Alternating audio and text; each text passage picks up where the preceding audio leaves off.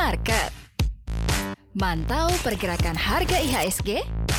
Ya di sini aja. Direkap, rekap saham.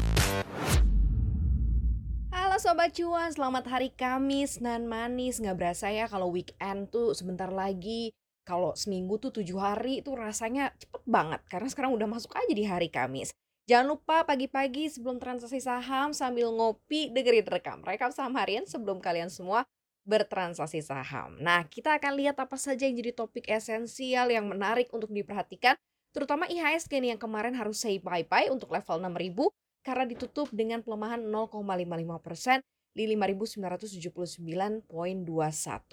Nah ini menjadi banyak sekali polemik dan tanda tanya gitu ya. Kenapa sih kok harus bye-bye lagi level 6000 padahal kan kemarin udah bagus antem adem ayem gitu ya di sana. Dan yang menarik sebenarnya dari sekian informasi tentang indeks, saham-saham yang ada pembelian bersih dari asing nih justru ada di beberapa saham-saham uh, pertambangan kayak Inco, kemudian Antam dan juga uh, Ace Hardware yang kurang lebih menyita perhatian investor asing sampai 30,6 miliar rupiah. Tapi asing juga jualan ternyata. Nah jualannya masalah saham-saham bank-bank gede nih kayak BCA yang dijual juga dilepas gitu ya Telkom dan juga Astra Internasional. Jadi ketahuan ya sebabnya apa kenapa indeksnya harus bye-bye level 6000. Tapi kalau sana sobat cuan lihat nih yang bikin um, membuat kemudian pasar kembali uh, berbalik arah ini karena ada kondisi inflasi di Amerika Serikat yang belum menunjukkan tanda-tanda membuat musuh utama pasar finansial global kembali muncul. Alhasil sejak kemarin tuh hari Selasa bursa saham mulai goyang kan, aset-aset yang dianggap beresiko pun juga masuk ke zona merah. Nah, musuh pasar utama finansial global saat ini selain adanya COVID-19 ya, COVID-19 ini adalah tapering, pengurangan nilai program pembelian aset atau quantitative easing oleh Bank Sentral Amerika Serikat di mana tapering ini pasti akan terjadi tetapi kapan waktunya ini masih jadi misteri. Nah, banyak para analis yang memperkirakan bahwa tapering akan dilakukan di tahun ini karena kalau The Fed memajukan proyeksi kenaikan suku bunganya menjadi tahun 2023 dari sebelumnya di 2024, bahkan tidak menutup kemungkinan bisa lebih cepat.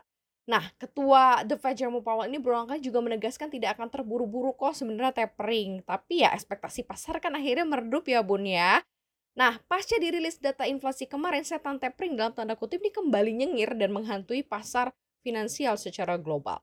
Kalau kita lihat ya data-data dari Amerika Serikat, apa sih yang kemudian menjadi salah satu momok yang paling menyesakkan untuk bursa global? Kita lihat. Next. Yang pertama itu ada inflasi yang dilihat dari Consumer Price Index yang melesat 5,4% di bulan Juni dari periode yang sama tahun lalu dan kenaikan ini juga merupakan yang tertinggi sejak Agustus 2008, lebih tinggi dari perkiraan para ekonom yang disurvei oleh Dow Jones yang memperkirakan pertumbuhan 5%. Sementara itu inflasi inti sendiri pun juga menunjukkan uh, menunjukkan tanda-tanda penguatan begitu ya tidak tidak memasukkan sektor makanan walaupun dan energi dalam perhitungan tumbuh 4,5 persen ini belum ada sektor makanannya jauh di atas prediksi 3,8 persen.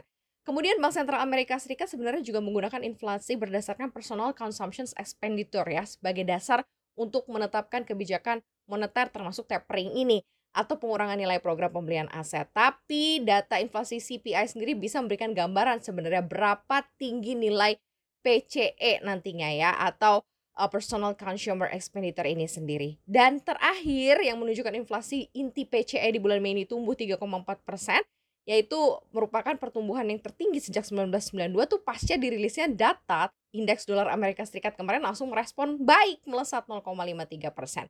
Bisa ditebak ya, penguatan dolar Amerika Serikat ini akhirnya buat rupiah akhirnya harus terjungkal.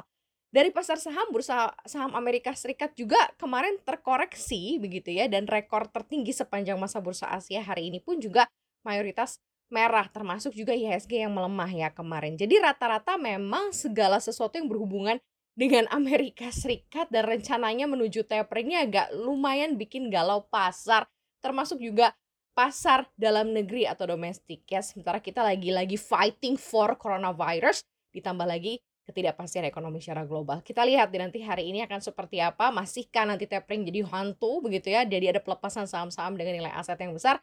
Kita pantau hari ini. Next. Nah, Sobat Cuan, akhir-akhir ini emiten pertambangan dalam negeri ini gencar melakukan tren ekspansi ya. Tren belakangan ini uh, yang dilirik adalah negara Australia jadi target ekspansi. Wajar aja karena negeri kanguru merupakan salah satu net eksportir batu bara terbesar di dunia dan juga menyuplai stok batubara global hingga 30%. Selain di batubara, tambang nikel dan juga emas Australia nggak kalah menarik hingga menjadi sasaran ekspansi perusahaan lokal. Kita lihat ya, ada beberapa emiten dalam negeri yang belum lama ini berekspansi ke negeri kanguru. Siap-siap pasang telinga. Next. Pertama ada Adaro Energy Adro yang resmi mengakuisisi Castrol's Coal Mine pada 1 Agustus 2018 lalu dari Rio Tinto. Setelah akuisisi tersebut, kepemilikan Adro ini di Castrol sebesar 80%.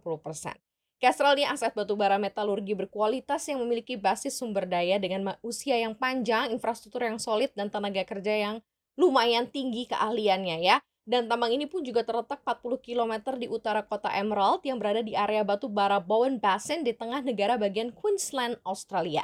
Adro bekerja sama dengan EMR Capital untuk mengakuisisi Castrol melalui Castrol Coal Resources dan kepemilikan Adaro pada Castrol Coal Resources ini sebesar 48%.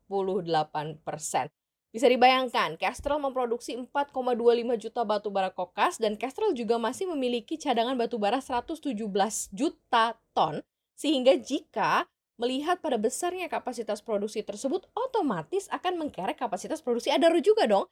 Dan diperkirakan akan naik tiga kali lipat menjadi 3 juta ton per tahun. Is it good news for Adaro? Atau ini mungkin salah satu uh, aksi yang dilakukan untuk perusahaan mining bisa terus survive ya di tengah green energy yang sedang melanda dunia gitu ya. Tetap ada fossil energy dan tetap dikembangkan juga. Selain Adaro ada apa saja? Kita next.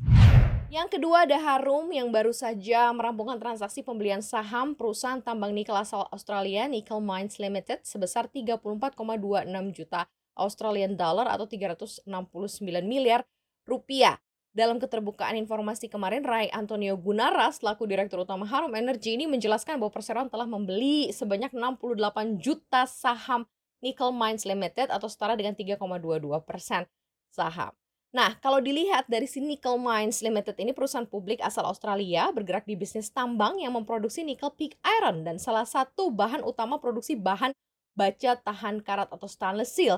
Dan Nickel Mines ini memegang kepemilikan 60% di proyek Jaya Nickel dan Reckles uh, Ranger Nickel yang keduanya beroperasi di pabrik uh, Rotary Kin Electric Furnace yang memproduksi NPI di Indonesia Morowali Industrial Park. Wow, nickel pig iron. Wow, congratulations Harum. Yang ketiga ada Golden Energy Mines Games yang baru saja uh, mengakuisisi uh, salah satu perusahaan atau melalui anak usahanya uh, Stanmore Resources ini baru saja mengakuisisi 100% aset perusahaan tambang batubara berlokasi di Queensland, Millennium dan Mavis Downs Mine dari Peabody Energy Australia. Dan tambang Millennium dan Mavis Downs ini terletak di Moranbah dekat proyek Isaac Downs Limers Stanmore Schools ya.